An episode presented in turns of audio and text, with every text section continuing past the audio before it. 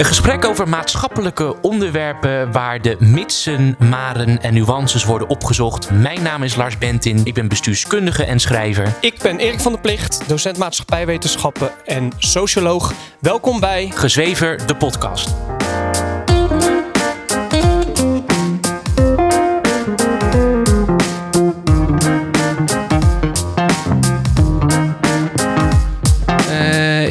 Ook dadelijk eh snik heet. Eh, mijn kat zit op de tafel eh, erbij, maar die mag meedoen. Ehm, I have often dreamed of a far off place. nou, laat maar zitten. I need a hero. Nou, zullen we beginnen? waar, waar is dat van? Wat? Dat wat je nou aan het eh, zingen Dat ik net aan het zingen was. Ja. Her- Hercules. Disney. Oh, dat heb ik niet gezien. N- nou, dit is echt een eh, nummer voor jou. Ja, nee, ik heb hem niet gezien. And a real warm welcome be waiting for me. Oké. Je hebt de film nooit gezien? Nee. Nee, de- maar die, die film die kwam voor mij uit... eh, want dat was voor mijn basisschool. Even kijken hoor. Nee, dat is gewoon echt een mythe, hè? Films. Ja, dat snap ik. Marvel. Huh? Marvel. Films, oh hier. Ja, Disney, 97. Basisschool, absoluut basisschool. Oké. Oké, oké, oké. Oké. Ze waren toen nog wel heel wit allemaal. Dat vind ik wel een beetje... eh, zitten donkere zangeressen. Het is heel divers. Ja, oké. Dat is ook heel stereotyp, want die donkere zangeressen zijn een soort gospelachtig... eh, Ja, precies. Toen kon dat nog hè, in de jaren 90. Toen kan je... Ja, in de jaren 90 kon dat allemaal nog. Oké. Ja. Zullen we het dan voor de... Zullen we wel gewoon melden dat er een winnaar is? Ja, we hebben een winnaar inderdaad voor ons. eh, wat een. Ja, hoe noem je dat? Prij, nee, niet de prijsvraag. Prijsuitreiking. Voor onze. Onze nieuwsbriefloting. Ja, inderdaad. De aanmelding voor de nieuwsbrief. Ik moest even nadenken. voor de nieuwsbrief hadden we aanmeldingen. We hebben een winnaar. En die hebben we al een mail gestuurd. Ja, we weten niet, hij. We wie- weten niet precies. wie het is. Wie kon het je is. niet uit een mail... eh. Nou, er is, het heeft wel een achternaam, maar dat laten we maar even voor onszelf. Privacy en zo. Maar ehm, ja, en wij hebben bedacht. Diegene heeft nu een mail gekregen. Als die het adres eh, of zij het adres terugstuurt, dan sturen we de prijs op. Ja. We hebben bedacht om weer een prijsuitreiking te doen. Misschien is het eigenlijk leuk als we iedere maand een prijsuitreiking doen. Eh, dat is een goeie. Een, Waarom- leuk, eh, niet? een leuk boekie. Ja, Eh, of iets anders. En ik denk dat we nu dan met het onderwerp wat we gaan bespreken... Ja, misschien een boek over minimalisme ja, zeker. kunnen uitreiken. Ja, Misschien dat we de komende maand een soort... Moeten, nou ja, wel, moeten we die wel eerst zelf lezen? Nee joh, hoeft toch niet. Nee, je kan toch secundaire literatuur? Dat is toch... eh, Gewoon een recensie van, eh, van NRC lezen. Wat was nou onze discussie vroeger? Dat als jij eh, samenvattingen las of, of, Ja, of, of reacties ja, op... jij, eh, jij vond dan dat als we een discussie hadden over een, een onderwerp, dat ik alleen maar oorspronkelijke literatuur mocht aanhalen om ja, eh, daar een mening over te vormen. Geen, Ja. secundair, geen, geen secundaire literatuur. nee. Oh, daar ben je nu ook wel vanaf, denk ik. Nou, de essentie blijft wel bestaan als in dat je het best je eigen mening kan vormen als je de originele tekst leest.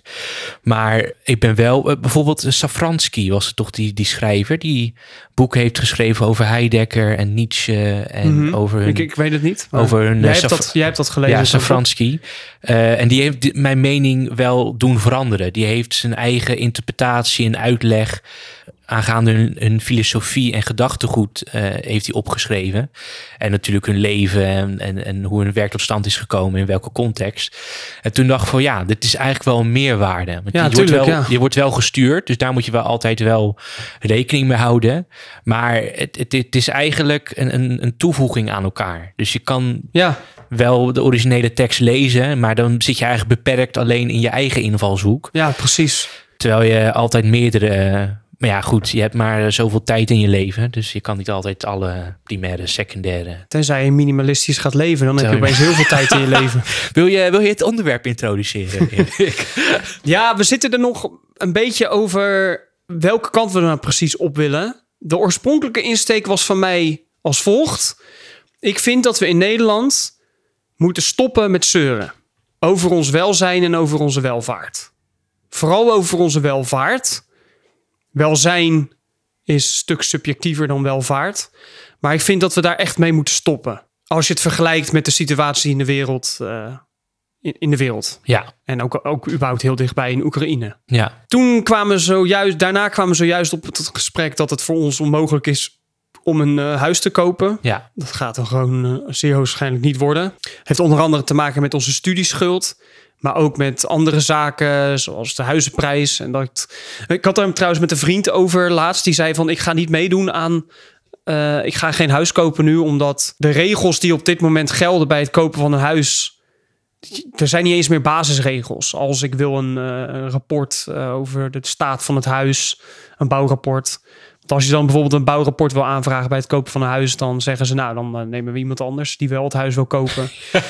Overbieden, ja, ja, meteen moeten reageren. Weet je Ja. wel, allemaal dat soort basis regels eh, en normen waarden die je eigenlijk normaal gesproken met tegenover elkaar hebt, die, zijn, die, die worden allemaal het raam Ja. uitgegooid. Omdat, ja.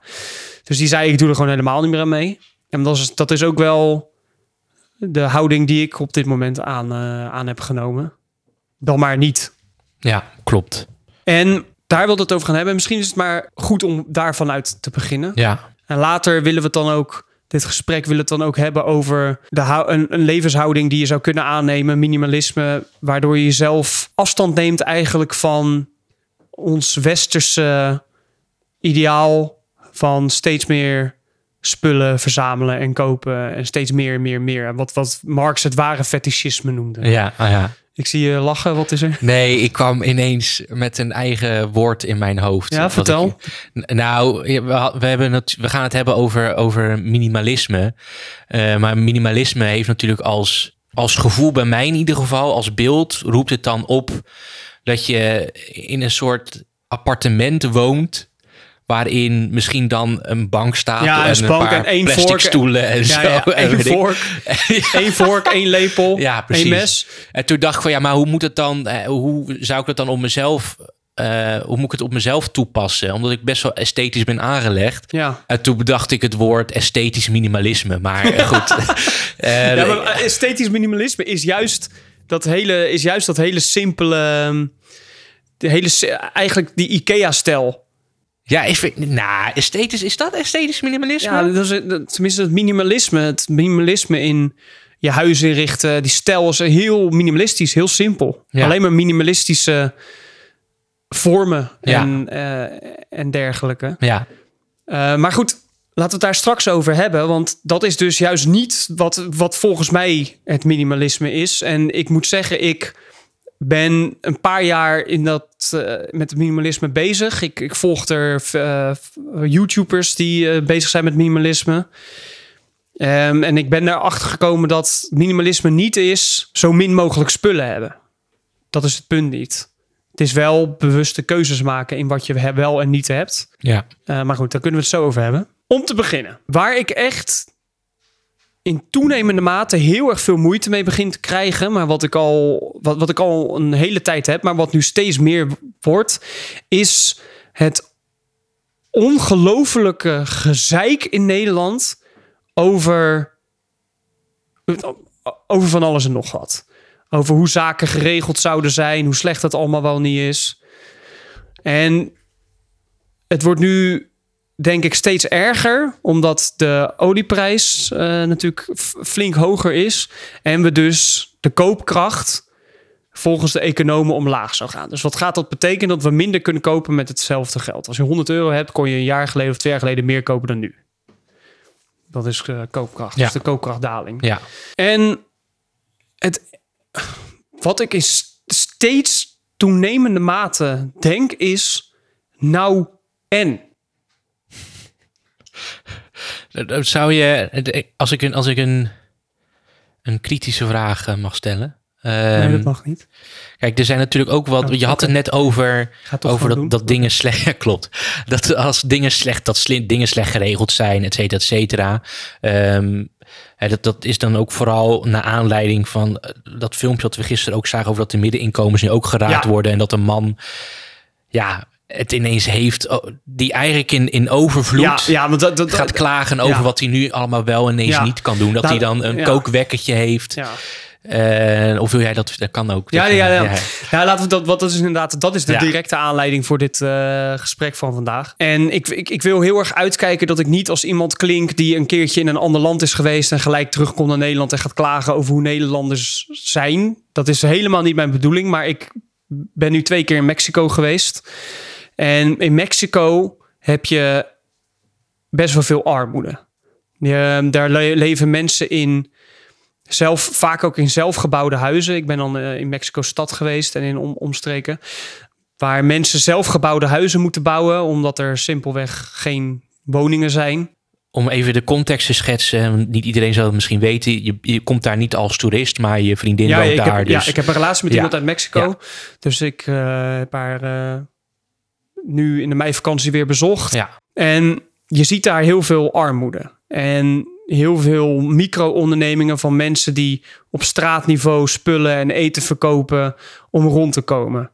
Of eh, een beeld wat mij eh, heel erg eh, indruk op me heeft gemaakt is een man die dan accordeon speelt en zijn zes, zevenjarig dochtertje die dan geld ophaalt met zo'n beetje.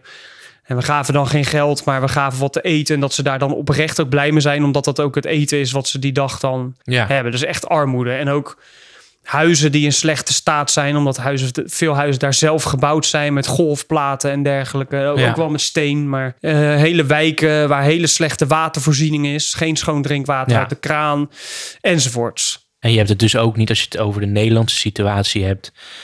of dingen slecht geregeld zijn, heb je het niet over alle voorbeelden zoals de toeslagenaffaire, Nee, nee, uitvoerende nee. diensten. En, nee, Nee, nee. oké, dus Nee, maar dat dat duidelijk is. Ja. Ja. Waar ik het wel over heb is, en dat is ook de directe aanleiding, een video van NOS. Ik kom thuis, ik kom uit Mexico. Je moet het zo zien. Ik kom uit Mexico, armoede. Met, en dat, en dat, dat is zo, dat, dat sluit er ook meteen bij aan. Armoede, maar een ongelofelijke levenslust en doorzettingsvermogen om het beste van de situatie te maken. ja. Dat zie je in, in, in alles in die cultuur. En dat is ook wat mijn vriendin altijd zegt. Mexicanen, die hebben het niet breed. En die hebben ook heel weinig. Maar ze weten altijd van het minste toch veel te maken. ja. En dan kom je in Nederland en dan was ik thuis. En dan open ik nos.nl. En er stond er een video op nos.nl. Over een, een, een, een man, alleenstaande man die een, hij had een middeninkomen. En dat ging dan over de afnemende koopkracht in Nederland. Of de toen, eh, ja, dat alles steeds duurder wordt. En dan zie je een man die met een ongelooflijk dure bakfiets naar zijn huis fietst. Bakfietsen zijn echt duur. Die zijn, dat zijn, die zijn echt duizenden euro's. Die in zijn huis dan vertelt over dat hij de verwarming een paar graden lager moet zetten. En dat hij nu voor zichzelf een timer zet om te douchen. En dan lijkt het echt net alsof ik naar een video van Jiske Vet aan het kijken ben. Het is, het is serieus, als je net uit een land komt waar echte armoede is, waar mensen geen water hebben in Ja. sommige wijken, waar water moet worden aangeleverd door trucks. Ja. En dat er soms gebeurt dat er gewoon geen water is. Dat Ja. mensen eh, water, dat ze bijvoorbeeld water gebruiken om te douchen en dat water dan weer opvangen in een bak, zodat ze dat later kunnen gebruiken om bijvoorbeeld de vloer schoon te maken. en Ja. En dan krijg je zo'n video waarin hij vertelt dat hij een timer zet om te douchen. Hij hoeft het niet eens te doen, maar hij doet het voor zichzelf. Want er is gewoon, als hij de kraan de hele godganse dag aan laat staan, is het de hele godganse dag water. ja. Vervolgens heeft hij het over boodschappen doen. Dat hij op de kleintjes moet letten. En de opent hij zijn koelkast. Er zit zijn hele koelkast vol met eten. Het is daadwerkelijk absurdistisch. Het is echt absurdistisch. En dan een net huis. ne- een, net huis ziet er goed uit. eh, goed geïsoleerd. En hij heeft het er ook over in dat filmpje dat Ja. hij in een buurt woont waarin hij het gevoel heeft Ja. dat hij moet meedoen Dat hij moet meedoen in de welvaart ja, die door ja, anderen wordt getoond. Ja, dat sluit ook goed aan straks bij dat minimalisme inderdaad. Dat hij het heeft over... En, dat, dat, en dat, ik snap wel hoe dat werkt, want dat is menselijk. Hij zegt, bij andere huizen zie je dan een Porsche voor de deur staan. eh, en dan heb je het idee dat je daar mee moet doen. Dat je, dat je mee moet doen aan die standaard. Maar je zegt dat is, dat is menselijk. Het- het- misschien heb ik vrij weinig zelfkennis. Dat, de, de, de kans is heel groot natuurlijk.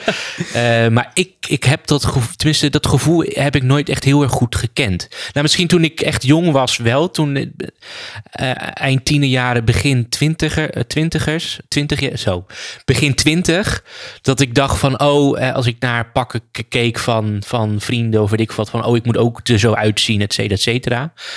Maar ik kan me niet zo goed voorstellen, ook gewoon nu niet, dat ik dan, als ik dan mensen zie met een dure auto, met allemaal dure spullen, ik denk van dat moet ik ook Ja. hebben. Is, is, is, dat zo- zo men, is dat echt iets menselijks? Denk je dat, dat, dat je dat, Ik denk dat vergelijkt mensen... met anderen? Ik denk, ja, ik denk dat mensen eh, in essentie zich vergelijken met anderen en kijken naar anderen hoe zij doen, zodat ze daaraan mee kunnen doen, zodat ze niet buiten de groep vallen. Oké, ja, Dat denk ik echt wel. oké. Dus de- misschien ben jij een hele bijzondere jongen. Of, of zoek ik het op andere manieren? ja, Ja, dat, dat zou, eh, ja, klopt. Nee, maar dat, eh, dat, dat, voor, dat is een heel erg goed, goed voorbeeld. En ook niet, kijk, die, die, die, die relativiteit daarin, het, of het relativeringsvermogen wat jij dan hebt ja, naar aanleiding van het bezoek aan, aan Mexico, laat ook zien wat dan die relativiteit met betrekking tot armoede kan zijn. En hoe dat is in landen zoals Nederland. ja, precies. Dat is dus ook toen ik die video zag. Ik, nou ja, ik, ik, ik, ik zat echt met verbazing te kijken. Ik zat echt met verbazing te kijken. Omdat het besef lijkt te ontbreken hoe ongelooflijk goed wij het in Nederland hebben. Op Ja. alle facetten. Infrastructuur, salaris, werkomstandigheden. Dat is nog zo'n voorbeeld. Mensen in Mexico, het is daar heel normaal dat je om negen uur naar je werk gaat en half acht 's avonds pas weer klaar bent. Ja, Weinig vakantiedagen. Je afdeling kan zomaar opgeheven worden. Dan ben je gewoon binnen een week je baan kwijt. ja, Infrastructuur die niet altijd goed werkt. Wat zo'n voorbeeld daarbij is. In eh, Mexico is nog niet overal ehm, het elektronisch betalen geïnstitutionaliseerd. Dus je Ja. moet nog veel met, met contant geld doen. En is de kans groot dat je, als je geld wil pinnen, dat je minimaal drie pinautomaten nodig hebt voordat er eentje werkt. Weet je wel? Dat is altijd wel iets. Qua openbaar vervoer is het daar heel erg chaotisch. Heel Ja. veel verschillende organisaties, bedrijven die dat regelen en dergelijke. Maar het is natuurlijk een cliché en heel veel mensen zullen het natuurlijk ook wel herkennen die, die naar deze aflevering luisteren. Dat als ze naar het buitenland zijn geweest, Ja, dat als ze terugkomen, dat ze dan vaak het gevoel van, oh wat is die toch eigenlijk gewoon goed, ja. goed geregeld. ook. Ja. Schoon.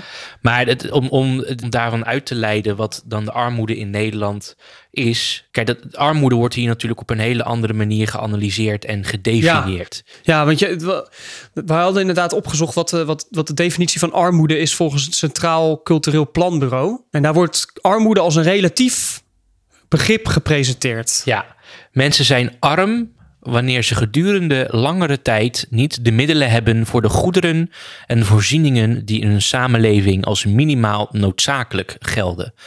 Dit is de definitie van armoede die het Sociaal Cultureel Planbureau hanteert. Ja, En met deze definitie eh, hadden we het ook al eerder over. Moet dan gelijk denken aan een campagne van de SP. Eh, volgens mij is het is alweer heel lang, lang geleden hoor.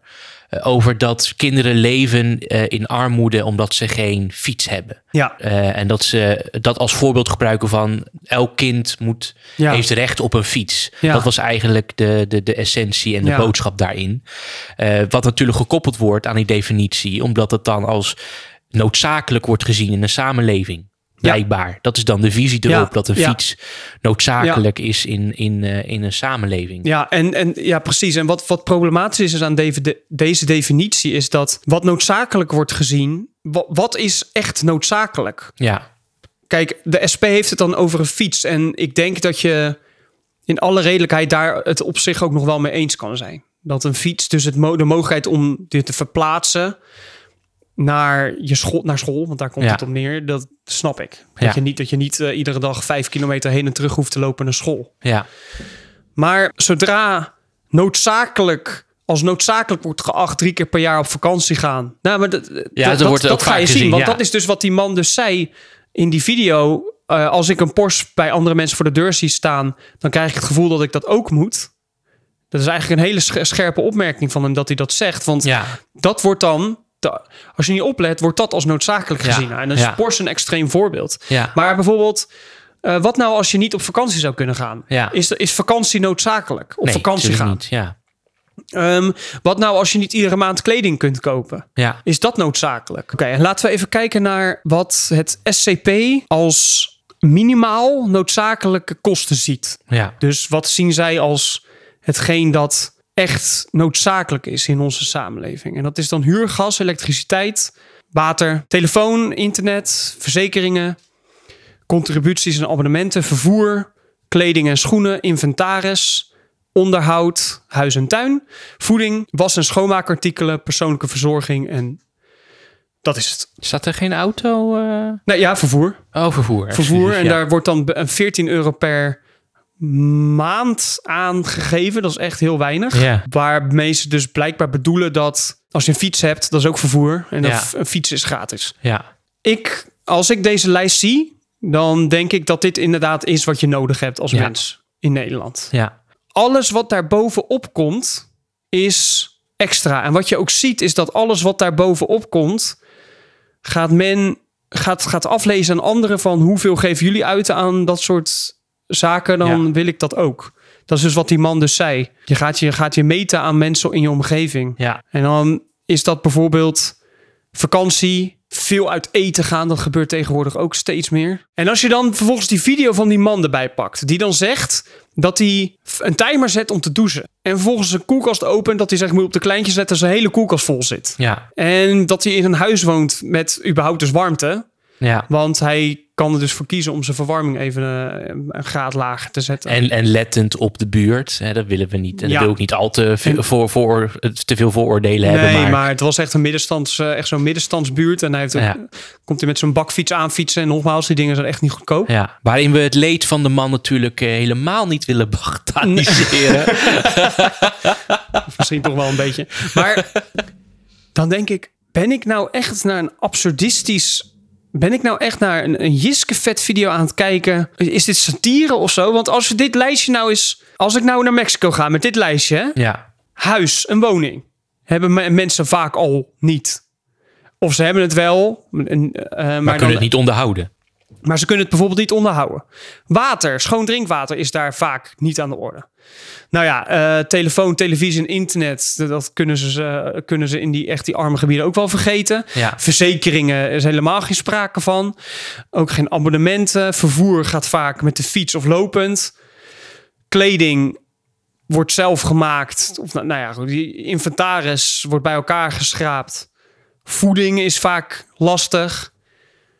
En dan denk je van, waar zijn we nou, waar zijn we nou toch in Nederland mee bezig als we aan het Ja. klagen zijn over... Maar dat, dat zie je natuurlijk ook tegenwoordig. En zeker natuurlijk met de, de inflatie en door de oorlog in Oekraïne. eh, dat al die kosten stijgen. En ehm, ik begrijp natuurlijk wel heel erg goed. En we, en we waren net nog in de Albert Heijn.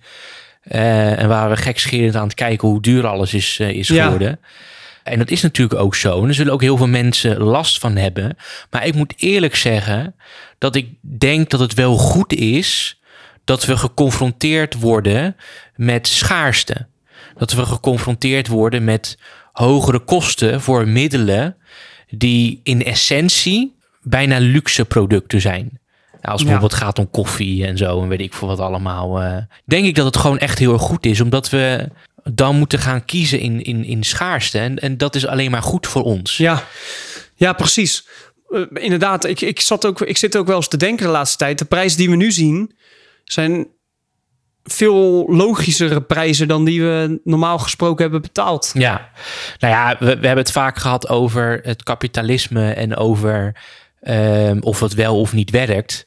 En de enige reden waarom het voor ons, in ieder geval als ik het een beetje veralgemeniseer in het Westen, waarom dat werkt, is omdat de echte productiekosten of de kosten van de producten niet reëel zijn. Nee, nee, precies. Want die worden gemaakt in landen Ja. met, met, met schaamteloze eh, Ja. lonen. Ja, voordat we verder gaan, moet ik toch nog even zeggen dat het SCP, waar we het net over hadden, de definitie van armoede is dat iemand arm is als ze niet de goederen kunnen kopen die als minimaal noodzakelijk worden geacht in de samenleving. Ja, We hebben vervolgens die lijst gekeken en dan zijn we erachter gekomen dat we het daar eigenlijk mee eens zijn. Ja. Dus dat we die definitie, of tenminste, de definitie kan problematisch zijn, maar de, de, de lijst van minimum, van het minimum wat iemand nodig heeft in onze samenleving, die de SCP heeft opgesteld, zijn we het mee eens Ja, in Nederland. in Nederland. En ik heb ook nu gelezen dat het SCP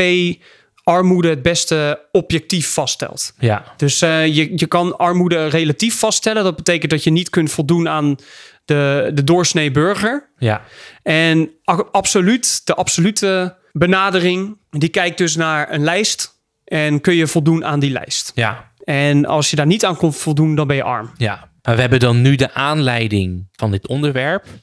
En wij willen het gaan hebben over het minimalisme Ja, en de manier van leven met betrekking tot het minimalisme. ja want... Kan je daar iets over vertellen, hoe jij ernaar kijkt en hoe jij dat ervaren hebt de afgelopen jaren? Want je bent er al wat langer. Ja, ik ben er al wat langer mee bezig.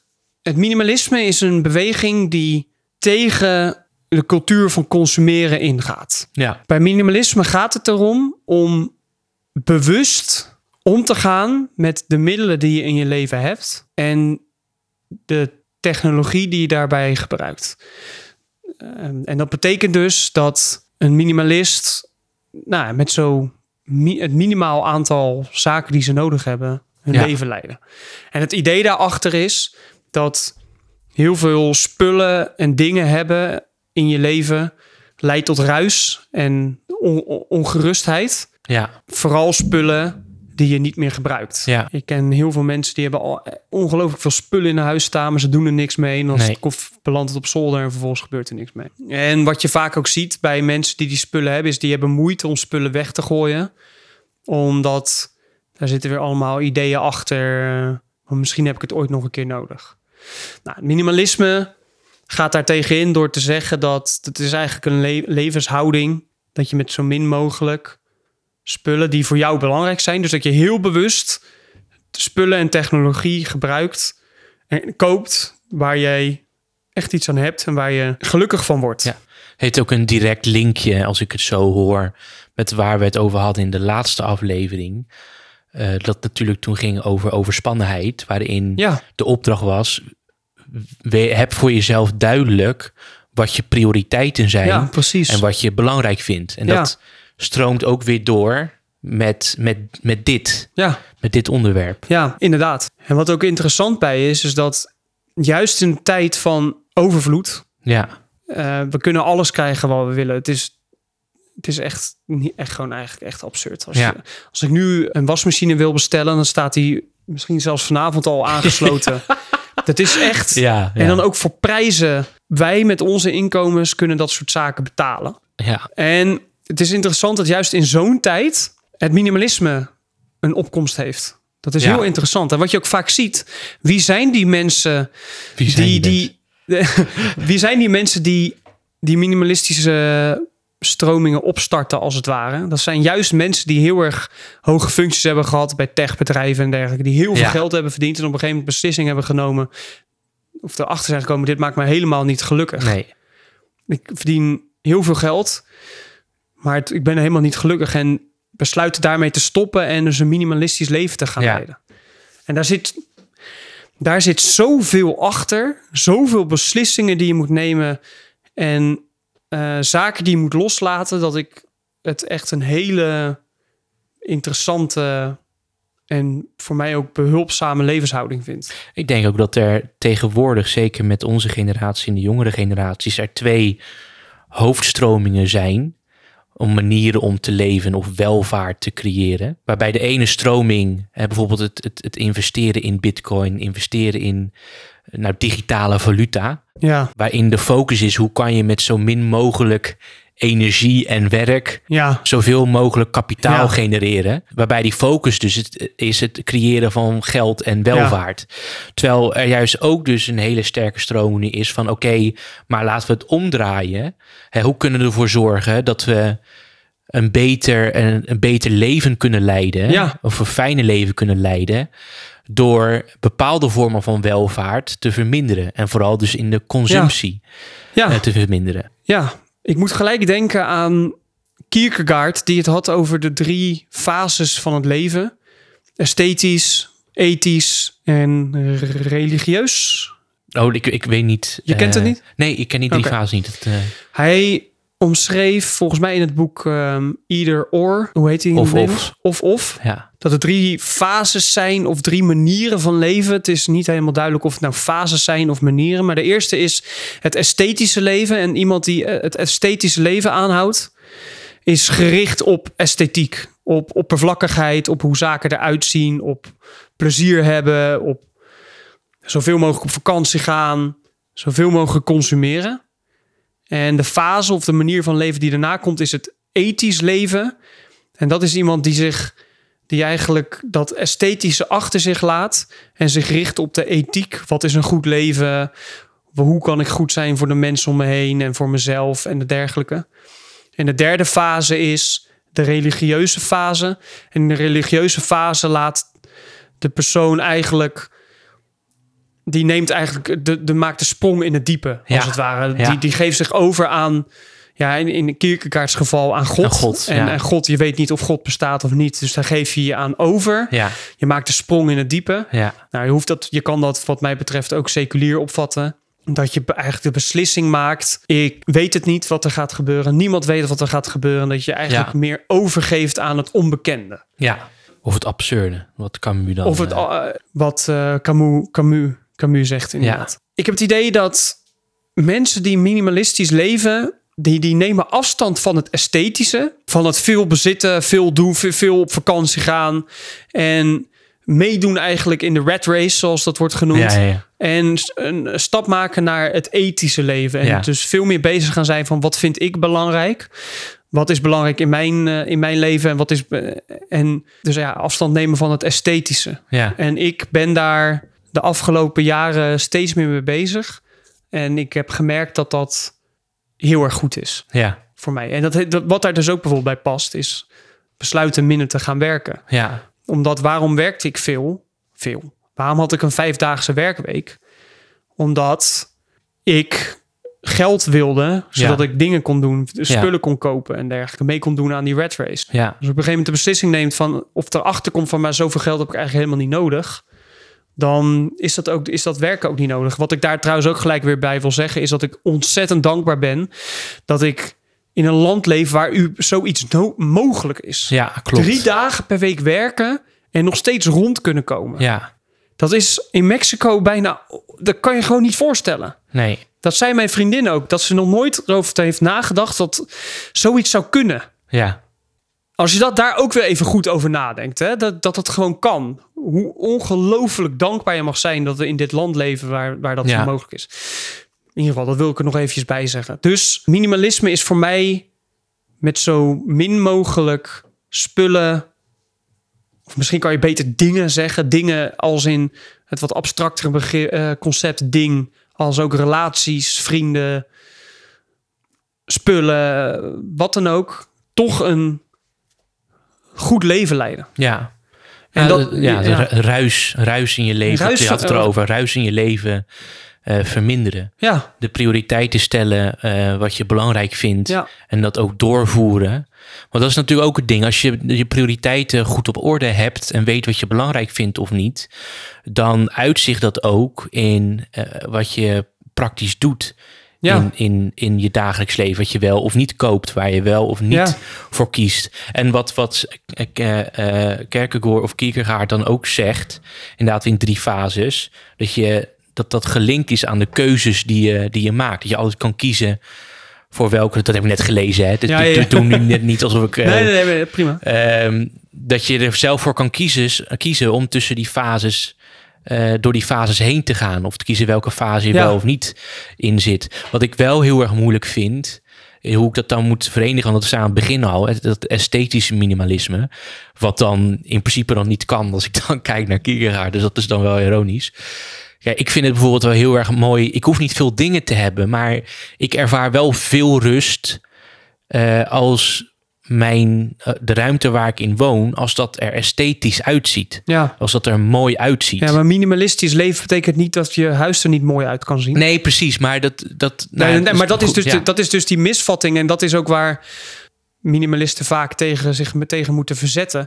Je hebt echt hardcore minimalisten die echt één vork, één lepel, één mes hebben. Ja, Vaak niet eens een stoel, weet je wel. Die zitten op de grond en eh, die, die nemen dan zo'n YouTube-video op waar ze op de grond zitten in Ja. een uh, kleermakerszit en dan die heb je. ja. Dat is niet mijn, dat is niet mijn, mijn idee van minimalisme. Niet mijn minimalisme, vriend. ja, precies. Minimalisme is voor mij, zoals ik net al zei, dus de beslissing maken in de spullen, de- in de dingen die je in je leven introduceert. Ja, En ik vind bijvoorbeeld het hebben van boeken heel erg leuk. ja, Als ik een boek heb gelezen, vind ik het leuk om in dat een boekenkast te zetten. Dat Ja. ga ik niet wegdoen. Dus dat is iets waar ik bewust voor kies. ja. Ik heb wel eens een interview met, met iemand gezien die, die zei: Ik wil dat je de zaken die je echt heel erg leuk vindt in je leven, dat je die, die bepaalt voor jezelf. Eh, want het, idee is vaak dan ook bij financieel minimalisme dat je dan bijvoorbeeld nooit meer een café latte mag kopen onderweg naar je, naar je werk of een koffie onderweg mag kopen of een Ja. broodje, weet je wel, omdat dat dan verspilde kosten zouden zijn. Ja. Wat hij zei is: Wat ik wil is dat jij een lijst maakt van zaken die je echt belangrijk vindt. En dat je bedenkt dat je daar twee of drie keer zoveel geld aan uitgeeft dan nu. En dat je de rest Laat. laat. Ja, Dus jij vindt boeken leuk, dan geef je vanaf nu drie keer zoveel per maand uit aan boeken. Jij vindt, weet ik veel, leuk, eh, leuk om met je auto door Nederland te rijden. Dan ga jij nu drie keer zoveel geld uitgeven aan dat. ja, En de rest laat je achter. ja. En dat kan natuurlijk niet iedereen, laten we eerlijk zijn. Maar dat is wel een hele, dat vind ik wel een hele goede vuistregel. Maak dingen die je belangrijk vindt. Daar geef je meer geld aan uit en de Ja. rest laat je gewoon achter. Maar het is, het is wel goed dat je, dat je deze eh, nuance ook, ook maakt, denk ik ook voor de luisteraars. Omdat een minimalisme ook vaak afschrikt voor mensen die niet goed Ja. weten waar het, over, waar het over gaat. Ook ikzelf hoor. Maar dat, dat, dat, zijn dan, dat, dat is dan omdat mensen een alternatief zoeken en het alternatief van anderen willen kopiëren. Maar Ja. het, het idee is natuurlijk dat je geïnspireerd raakt en daar uiteindelijk je eigen keuzes in maakt. Ja, maar het is natuurlijk ook heel moeilijk omdat hè, als je waardebepaling hebt en zingeving koppelt aan consumptie Ja. of datgene wat je koopt, Ja. of je hebt tegenwoordig en wat je tegenwoordig hebt en daar ben ik wel benieuwd naar wat je daar nou van vindt. Tegenwoordig heb je eh, het zinnetje: eh, ik koop geen spullen, eh, ik geef geen geld uit aan spullen, maar ik geef geld uit aan ervaring. ja.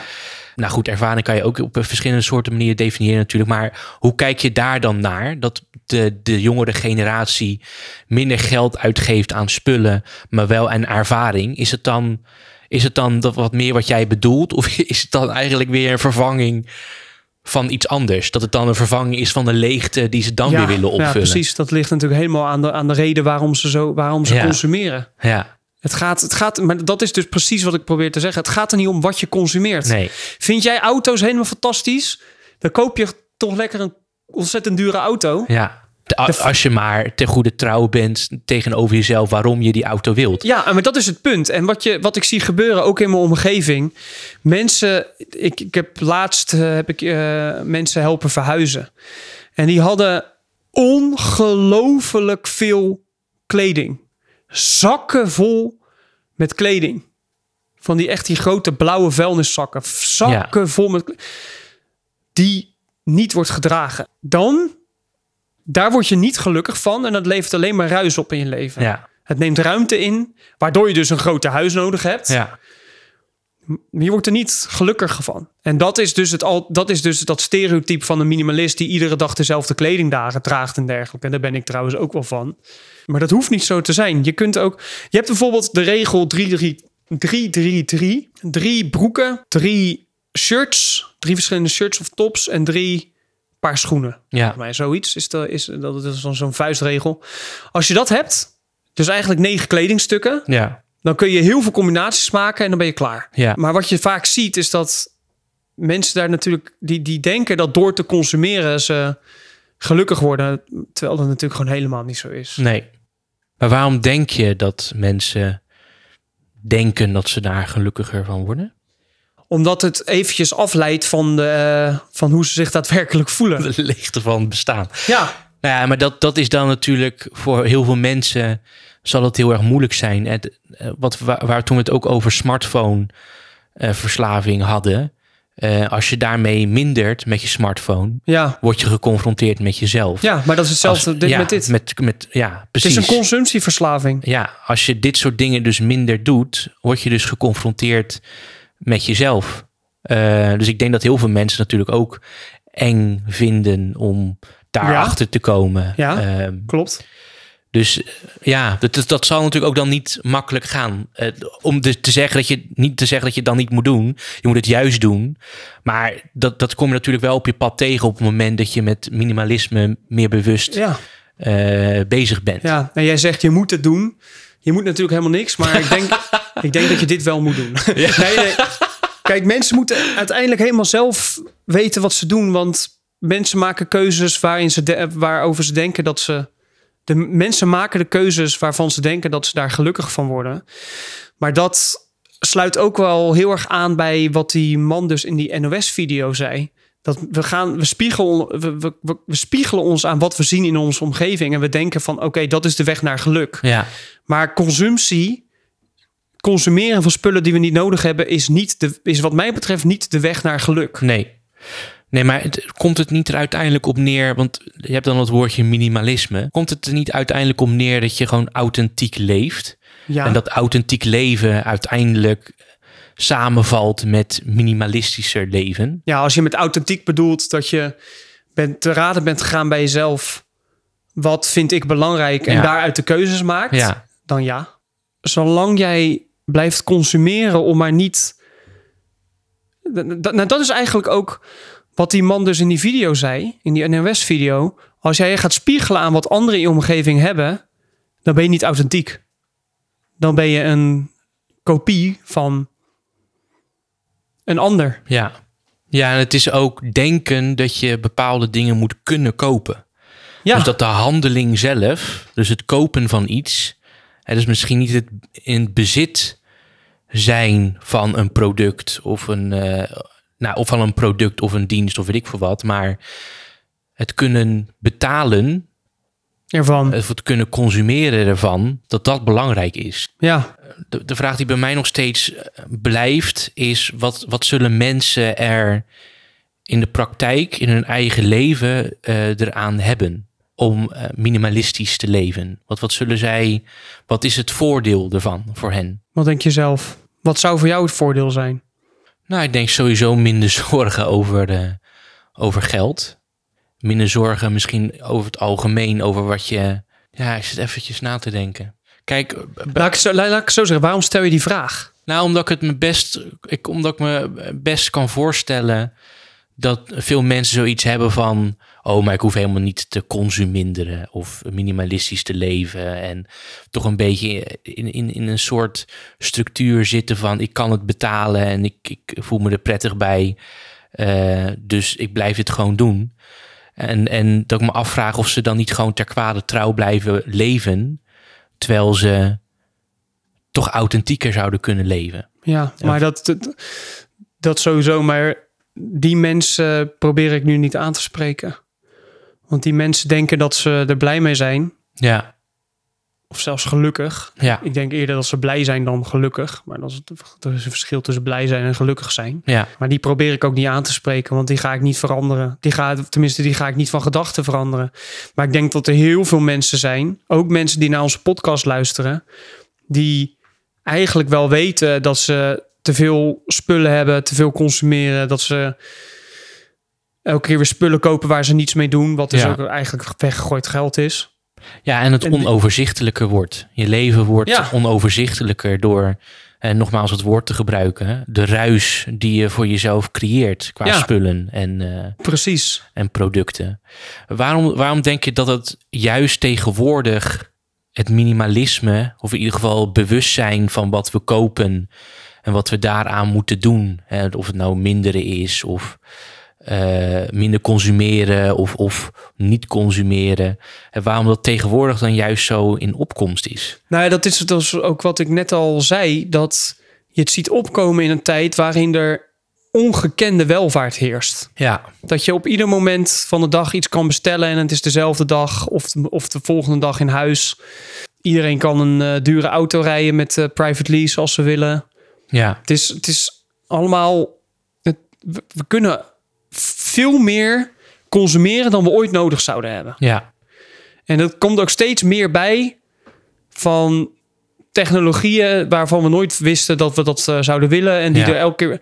Dus we leven in een tijd van ongekende welvaart. En juist in die tijd komt men er dus achter dat het consumeren en steeds meer tot je nemen niet de fundamentele problemen met jezelf oplost, namelijk onrust, eh, onzekerheid eh, en dergelijke.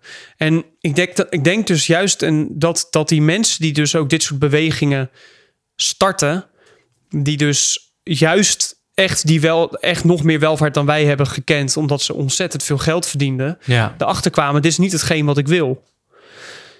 En daarom dus die stap naar het ethische leven zijn gaan maken. ja, En erachter zijn gekomen dat dat hen veel meer oplevert dan al die spullen kopen en grote auto hebben en, eh, en dergelijke. ja.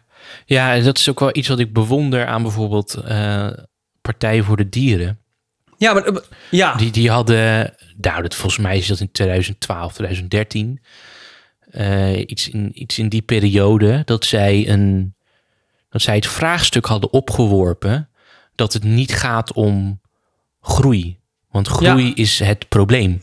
ja, En dat ik toen, economische groei. bedoel ja, economische groei. En dat ik toen zoiets had van, deze, wat is dat nou? Wat is nou voor Ja. een rare... ja, maar wij zijn heel erg opgeleid en opgevoed met het idee dat, Ja. economisch, dat er altijd economische groei moet Ja, zijn. klopt. En dat ik juist met de jaren, eh, ik ben 28, ik ben niet 50 of zo, maar eh, dat met de jaren ik wel steeds meer achterkom van ja, maar wa- wat het, waarom moet dat die overvloed en die welvaart die we, die we hebben, moet dat steeds meer? Waarom? Waarom moet dit? Dit is helemaal niet, Nou ja, dit omdat hoeft het, helemaal niet. nee. Nou, voor de mens, waarom het voor de mens moet, voor de mens als individu is omdat eh, verlangen is oneindig. Ja, Dus als je op een gegeven moment één eh, hele mooie Porsche hebt, dan wil je er nog één. En dan als je één file hebt, dan wil je er nog één. Dus Ja. mensen gaan op gaan uiteindelijk dat consumeren houdt nooit op. nee, Als je niet jezelf een halt toeroept, dan houdt het nooit op. ja, Ten tweede, het systeem, het economisch systeem heeft dat natuurlijk nodig. ja, Want als er geen groei is, dan zullen de bedrijven failliet gaan en dan Ja. verliezen mensen hun baan. ja, Ik denk wel eens als onze economie grotendeels is gebaseerd op de consumptie van onzin ja. van spullen en die we niet, niet en diensten die we niet nodig hebben. Ja, weet je, als we steeds meer zo leven, eh, minimalistische leven, zullen er ook heel veel winkels. Ja, en- en- dat, en- ja, daar zit ik wel eens aan te denken. Stel je nou voor dat iedereen minimalistisch zou leven. ja, Nou, welke winkels kunnen we dan opdoeken? H&M, Zara, al dat soort winkels.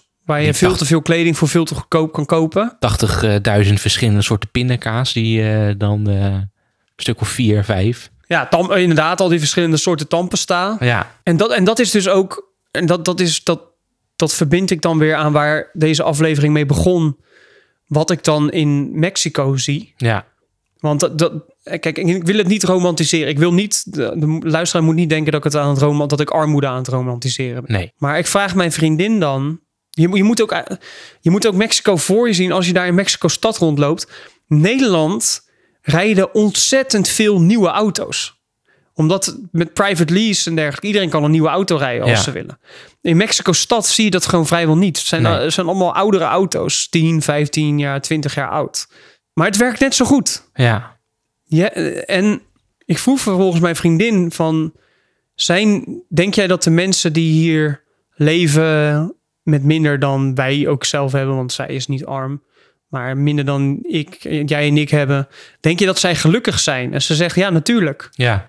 Natuurlijk zijn ze gelukkig. Ze weten aan niet beter. Nee, precies. Ze worden omringd door andere mensen die Ja. hetzelfde hebben. Ja, Ehm, je ziet, en dat is dus wat je ziet, een ontzettende doorzettingsvermogen en wil om er iets van te maken. ja, En creatief om te gaan met de middelen die je hebt. ja, En als je dat ziet, dat dat ook kan, dat het ook zo kan, ja, ja, dan is dan als je dan in Nederland komt en je ziet die, die, die absurdistische welvaart die we hebben, ja, dan, dan denk ik, ja, jij zou veel gelukkiger zijn met minder spullen, ja, maar met een bewuster leven. ja.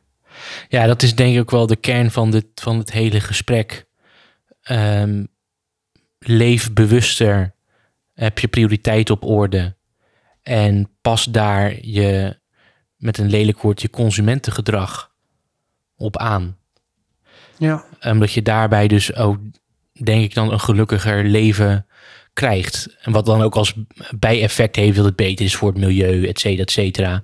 En want er wordt nu vaak in een invalshoek van milieu gegoten. Dat je Ja. minder energie, minder moet consumeren, minder productie, minder grondstoffen gebruiken.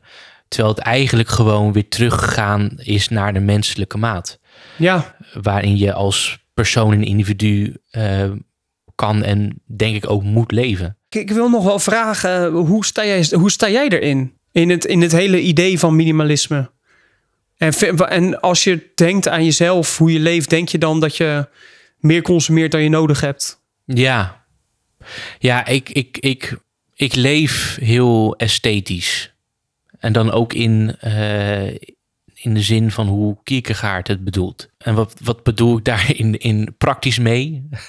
Eh, is dat ik het heel fijn vind bijvoorbeeld om op een terrasje te zitten... eh, en een glas wijn te bestellen en daar een boekje te lezen.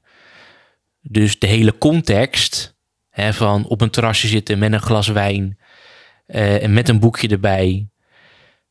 dat is een heel esthetisch iets. Dat geeft mij een soort geluksgevoel. Waar ik dan tegenaan loop, is dat ik me dan bij mezelf afvraag van ja, weet je, moet dat wel? Hè, wat is de meerwaarde daarvan? Hè, als je een stapje terugneemt, waarom zou je dan niet gewoon een, een eigen, eigen stoeltje aan, het kant, aan de kant van het water zetten? eh, met een, een glas wijn die je gewoon bij de, de Albert Heijn hebt gekocht. En daar dan zitten. Hè? Wat, waarom moet dat dan weer een, net een stapje hoger? Ehm, Ja, maar kijk, en ik laat je zo verder praten hoor. ja, Maar de vraag, het punt is niet dat je niet, en dat wil ik heel duidelijk maken, het punt is niet dat je niet op een terras zou kunnen zitten. nee, nee, nee, dat klopt. De, de vraag is waarom, waarom maak je de keuze om op het terras te Ja. zitten in plaats van, Ja, ja. ja klopt. Omdat, En jij denkt dat je dat vooral doet vanuit esthetische overwegingen. Ja, Wat zijn die overwegingen dan? Nou, ik heb de neiging om mijzelf en mijn leven te zien als een soort theatervoorstelling. Ja, En met dit soort specifieke voorbeelden worstel ik daar dan wel mee. ja ik ook hoor.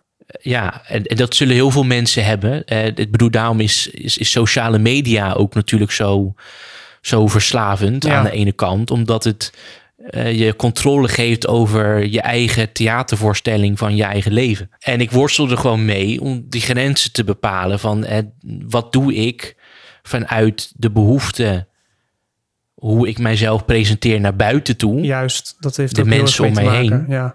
En wat doe ik omdat ik het zelf fijn vind om te doen? En laat ik daar duidelijk in zijn. Ik denk daar, ik denk daar te veel over na. Dus ik moet daar ook de balans in vinden. Om gewoon af en toe ook gewoon vanuit intuïtie dingen te doen. ja, Omdat ik dan denk van, oh, dit voelt goed. Dus Ja. daar moet ik niet over denken. Dat moet ik gewoon doen. Maar het minimalisme geeft voor mij wel meer houvast als beginpunt om na te denken over wat ik belangrijk vind of niet. En ik trek het dan breder door überhaupt gewoon meer na te denken over wat ik belangrijk vind ook, of niet. ja, hè, waar ja maar, dat, daar, hadden. daar, dat, Ja. maar dat, daar hoort het ook Ja, bij. Het is niet alleen maar op het gebied van consumeren. nee, ja, Maar klopt. en daarom, dat, daarom zei ik net ook, een keuze maken voor het minimalisme, daar, gaat, daar zit zoveel, zitten zoveel gedachtes achter en zoveel keuzes die je maakt Ja, en zoveel zaken die je moet loslaten. ja, Het is bijna allesomvattend, omdat het gaat ook gepaard met angst. Van, Ja. oh, dan kan ik straks eh, niet meer dit, dan kan ik niet meer de, Ja. de nieuwste auto rijden, enzovoorts, enzovoorts. ja. Ja, terwijl dat samen, wa- waar we het over hadden met de smartphone, eh, uiteindelijk, ik weet niet of dat het goede woord is, eh, wen je eraan. Goede natuurlijk, ja. is. En je went Maar eraan. da- daar- en je, je ja. merkt ook dat je het niet mist. Nee, maar daar ben ik in mijn leven al een paar keer achter gekomen. Ik ben Ja. een paar keer in mijn leven flink geschommeld van inkomen. Ja, Ik ben erachter gekomen dat, je zo, dat ik zo snel wen aan Ja. minder salaris. ja, Maar ook aan meer salaris trouwens. ja, ja. Maar ik ben daar zo, ik wen daar zo snel aan dat het me verbaast. ja. En dat heeft ook met mij te maken. Maar ik vind het ook fijn, en dat is ook wat jij net zei, om keuzes te moeten maken. ja. Omdat als je niet zoveel inkomen hebt, dan kun je ook minder kopen. ja. En dan kan je dus ook, dan moet je, ja, dan moet je dus bewuster keuzes maken. ja. Terwijl als je het altijd hebt, als je altijd in, eh, ge- genoeg geld hebt, dan kun je, heb je, voel je ook niet een goede reden tegen, om tegen jezelf te zeggen: ik eh, wil, of ik ga, het niet, ik ga dat niet kopen of dat niet doen omdat ik geen geld heb, omdat Ja. je het namelijk wel hebt. Dus je begrijpt wat ik bedoel. Ja, klopt. Ja, ja dus dat is, dat is mijn, mijn ervaring. Maar ermee. ja, precies. Maar ook daarbij, het is niet, je, je moet vooral zelf doen wat je, wat je wil. Maar daar, dat is de kern. Je moet doen wat je zelf wil. Ja, en dat is natuurlijk de, de essentie van de moeilijkheid die, die, die iedereen dan natuurlijk ervaart. In, in hoeverre is iets wat je doet dat wat je echt authentiek zelf wilt? En wat is er ingeslopen door de jaren heen? Precies. Wat gecreëerd is door onzekerheid, eh, door jezelf te vergelijken met anderen. eh, door wat je ziet in de rest van de wereld en de, de, de keuzes die daardoor beïnvloed worden. En, en dat, dat, is, dat is lastig, Ja, eh, klopt. merk ik ook. En, ja, Ik ben een heel simpel voorbeeld met wijnglazen. Ik heb geen wijnglazen. Ik heb de ruimte er niet voor in mijn keuken om het op te slaan. Maar ik vind het eigenlijk ook niet nodig. Ik snap, en daar ben ik het wel mee eens, wijn drinken uit een mooi wijnglas is fijn. Maar ik heb daar best wel, wel eventjes een tijdje over na zitten denken van wat moet ik daar nou mee? Omdat het is leuk als je mensen ontmoet, als mensen over de vloer komen, dat je ze een mooi wijnglas geeft waar ze wijn uit kunnen drink- drinken. Maar aan de andere kant denk ik ook, dat gebeurt niet heel erg vaak. En het is niet nodig. nee, En ik word, zou er niet gelukkig van worden om nu wijnglazen te kopen voor die paar keer dat er dan mensen langskomen. ja, Dus heb ik het uiteindelijk niet gedaan. En dat soort keuzes, maar dat kan gepaard gaan met, met, met angst. ja, Dat je denkt van oké, dan vinden mensen het misschien niet leuk om bij mij op visite te komen omdat ik geen wijnglazen heb. Ja, natuurlijk, ja, nee, ja, dat, dat is een. Ik snap die angst als je er dan ineens van afstand over nadenkt. Ja, dat- denkt van ja. waarom zouden mensen niet komen omdat Ja. je geen wijnglas hebt? Waar slaat dat nou weer op? Precies. Ja, En dat sluit ook goed aan bij een ervaring die ik had in Mexico. In Mexico, het beste eten hou je bij die... Dat heb je in Italië ook, bij die, die, die restaurantjes... waar ze plastic stoelen buiten hebben staan... en waar je plastic bestek krijgt. ja, Eh, niet, niet echt eh, wegwerkplastic, maar dat, dat Tupperware plastic. ja, Dat is het beste eten. ja. En dan... Wat ook een reflectie is van de prioriteit die ze stellen. Ja, ja, pre- precies. Want die mensen, die hebben simpelweg niet eh, genoeg inkomsten, denk ik. Of misschien wel, maar ze maken inderdaad de keuze niet... om... ehm, Fancy stoelen. Ja, precies. Om, om, om, eh, en, en servies, hoe is, waar wordt servies van gemaakt? Steen? Steen, stenen servies. Metaal. Ja. Wat zei je? Of metaal. Ja, precies. Waarom niet? Omdat dat breekt. En dan moet je weer nieuwe kopen. En dan moet je dat, weet je, dan moet je weer opruimen en zo. Terwijl plastic is heel simpel. Want Ja. dat kan je heel makkelijk afwassen. En, dan, en dat is inderdaad. En dan. En wat jij inderdaad nu zegt, is zij maken de beslissing. Wat is de prioriteit? Ontzettend goed eten maken. En de rest is allemaal eh, Bijzaak. bijzaak. En Ja. dat zie je in Italië. Of in Frankrijk zie je dat bij sommige plekken ook. Wij zijn Ja. in Frankrijk geweest. Eh, samen. En dat, dat merk je. Ja. En wat zie je vaak in, in Nederland? Toch tenten die er heel erg fancy uitzien, inderdaad. Daar is het eten vaak toch wat minder, middelmatiger. ja. Onze, of, onze, mijn boodschap is gericht aan, aan de mensen die daar al bewust van zijn. Kijk, als jij nog in de va als jij nog denkt dat je heel erg gelukkig wordt van heel erg veel consumeren, dan ga ik dat niet veranderen. Maar ik denk niet dat mensen daar gelukkig van worden. Nee, nee, ik ook niet. En dat is dus, dat sluit dan ook meteen aan bij die NOS-video waar we mee begonnen. En het, hoe mensen in Nederland kunnen klagen. Ik denk dat mensen die zo erg klagen over, over zaken in Nederland, dat je bijvoorbeeld maar vijf minuten kan douchen of eh, dat je op de kleintjes moet letten terwijl je een vo- volle koelkast hebt, voor, voor je hebt staan. Ik denk dat zij zich niet bewust zijn van de prioriteiten in het Ja. leven waar het nou echt om draait. Ja, klopt. En, dat, en, dat- en ik denk dat, dat dat ook komt door die absurdistische welvaart die we hebben. Dat we zoveel hebben kunnen consumeren. Dat we eigenlijk vergeten zijn waar het nou eigenlijk allemaal om draait. Ja, klopt. Ja. Dat is een mooi, eh, mooi organisch einde. Ja, was een lang gesprek. Ik weet niet wat, hoe, hoe, hoeveel er nog dadelijk uitgeknipt wordt. Maar ik vond het eh, heel erg fijn om het over dit onderwerp te hebben. Eh, ook omdat het weer samenvalt met alle andere onderwerpen waar we het over gehad hebben. eh, waarin de essentie uiteindelijk is keuzes maken, prioriteiten stellen en authentiek leven. Dus dankjewel voor de introductie voor, voor het minimalisme. Ik heb er zelf heel veel aan en ik hoop de luisteraars ook. Is er, is er, misschien kun je dat nu niet meteen zeggen hoor, maar misschien ook wel. Is er iets na dit gesprek waar je van denkt van, misschien, ik, ik denk dat ik daar wel een keuze in ga maken? Bijvoorbeeld spullen die in je huis bestaan, die je, waar je van denkt van, ik word, waarom heb ik dat? Waarom heb ik dat? Of gewoontes waar je afstand Nou, van gaat gewo nemen? gewoontes, daar hebben we het al over, eh, in een gesprek al over gehad. Ik, ik koop gewoon veel buitenshuis. Ja, En dan heb ik het over ja, eten ja, en drinken en vanuit gemak. Ja, Dan heb ik 's ochtends, dan heb ik wel tijd om Ja. wat eten te maken. Maar, maar wat dan ga maak ik dan toch doen? de beslissing om het op de trein Ga ik bij de Albert Heijn to go eh, Ja. halen, waar dat vier keer zo duur is. Ja, En als ik dan kijk naar mijn uitgaven, dan zit het, dan zit het hem daarin. Kunnen, wij, een- kunnen, zullen, kunnen we elkaar niet een eh, uitdaging opleggen? Nou, vertel. Twee weken lang alleen maar zelf gekookt eten, eten. Ja, En dat om, om een beetje, dat mag ook zijn bij iemand anders thuis die het voor jou heeft ja gemaakt. precies. Ja, ja, klopt. Ja. Nee, is goed. Prima. Twee weken, dus Ja. dat is tot, even kijken, de dertigste. Ja. Oké, ehm, ik zie meteen dat dat niet kan, want ik heb de 28ste ga ik namelijk uit eten.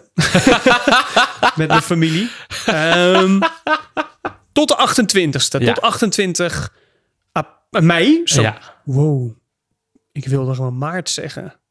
Het is alweer mei, niet Ja. normaal. Dus dat is 7, 8, 9, 10, 11. Dus, eh, anderhalf of elf dagen, anderhalve Ja. week. Toppie. Tot de 28 Is goed. Ik ben benieuwd, eh, heb, je, heb jij überhaupt, denk je, de afgelopen jaren wel zo lang achter elkaar alleen maar zelf gekookt eten gegeten? Ik heb wel een periode gehad. eh, dat was aan het begin van mijn studententijd. Waar ik exorbitant veel uitgaf. Ja, ik ook. Dat ik soms gewoon echt een hele week En- bestelde. en- ja, en dat ik gewoon, ik, dat ik ook gewoon moest, ik moest veel zuiniger leven. Dat ik daarna echt een periode had dat ik zo'n krent was. Dat ik op zo'n extreme manier lette op wat ik wel of niet uitgaf. Ja, dat heb ik wel gedaan. En toen at ik ook gewoon bijna de hele week hetzelfde. Pasta. S'avonds. Nee, nee, Oh, nee. wat Ja, nou, dat, dat was af en toe ook. Maar gewoon AVG, aardappelvlees en Ja, ja, ja, precies. En dat is er ingeslopen als, als, ja, als iets wat ik het liefst nog steeds eet. Maar ja, ik heb die periodes wel eh, gehad. Maar toen heb ik dat pro- geprobeerd los te laten om daar geen negatief gevoel meer bij te hebben. En nu heb ik een soort op Ja. en neer dalende trend waarin ik dan periodes heb ik ook te veel uitgeef. Dat is, ook, dat is ook iets, want dat is mijn volgende stap in het minimalisme is mijn manier van eten. En dan vooral, want eh, luisteraars moeten ook heel goed begrijpen. Ik, ik heb het hier over het minimalisme met jou, maar Ja. ik ben daar natuurlijk helemaal niet perfect in. Dat is Nee, ook een, tuurlijk. Ja. een, eh, een, een, een reis als het ware die je maakt. Ja. Maar de volgende stap is eten, mijn, eh, waar ik mijn eten vandaan haal. ja. Want zelfgemaakt eten betekent ook geen, geen verse afbakpizza's van de Albert Heijn en zo. Of van die opwarm. eh, Ja, precies. Ja, nee, ja. je hebt precies ook geen opwarmmaaltijd. Ja. Echt zelf koken dus eigenlijk. klopt. Daar komt het neer. En dat kan heel simpel zijn. Dat is trouwens ook iets... Dat, toch nog, even, sorry luisteraars, dat ik jullie heel lang bijhouden. Ehm, daar ben ik ook in Mexico achtergekomen. Het simpele. Simpel, dat simpel zoveel beter kan zijn dan complex. ja. En dat, dit is het cliché, maar dit is echt zo. Less is more Ja. simpel. Simpel. Bijvoorbeeld een boterham met avocado en wat zout en wat fruit ernaast kan ongelooflijk lekker zijn. Ja. Het hoeft niet allemaal veel te veel gerechten met veel te veel ingrediënten, zodat je niet eens meer proeft wat er allemaal in zit. Dat, dat zijn fouten die ik, eh, die ik ook wel eens fouten tussen aanhalingstekens. Dat, dat, je, dat ik gerechten veel te complex maak, weet je wel. Maar ik denk dat sinds ik op mezelf heb gewoond, sinds ik op mezelf woon, ik niet no- nooit elf dagen achter elkaar alleen maar zelf gekookt voer- eten heb gegeten. Ja. Ehm, en dat is ook in Rotterdam kun je altijd eten bestellen. Ja, het is klopt. echt ja, ook weer zoiets eh, heel erg absurds. Maar goed. Dus dat, Ja. nou, laat, dat is een leuke uitdaging. En dan kunnen we dan over twee weken kunnen we onze ervaring daarmee vertellen. Ik denk dat de ervaring wel heel positief is. Ja. Ik denk dat we volgende week, eh, Ja, waar we het over hebben. volgende week misschien gaan hebben over een ander onderwerp die ook heel erg goed bij past. eh, de woningmarkt en tiny houses. Ja, leuk. Ja, ja. Ja. inderdaad. Ja, dat is een heel leuk idee. Ja. Het idee of nadenken over leven, kleiner leven. Ja, Met dus minder spullen. ja. Dat is volgende week. Luisteraars, nieuwe prijsuitreiking. De nieuwe prijsuitreiking vindt plaats op 15 juni. Onder de aanmelders van onze nieuwsbrief. nieuwsbrief. Ja. Dus meld je aan voor onze nieuwsbrief. En dan. Komende week komt trouwens een nieuwsbrief uit, dus dat is ook goed voor de Oh ja, luisteraars. ja. om, eh, En ja, ik, eh, Lars die gaat eh, de nieuwsbrief. dit weekend, denk ik, of zo, ja. deze week de nieuwsbrief opzetten. En dan gaan we die, de eerste nieuwsbrief versturen. Het, was, het plan was eerder, maar er is het een en ander tussen gekomen. Dus Lars, dankjewel. Ik vond het een heel leuk gesprek. insgelijks. En tot volgende week. Joejoe. Hoi.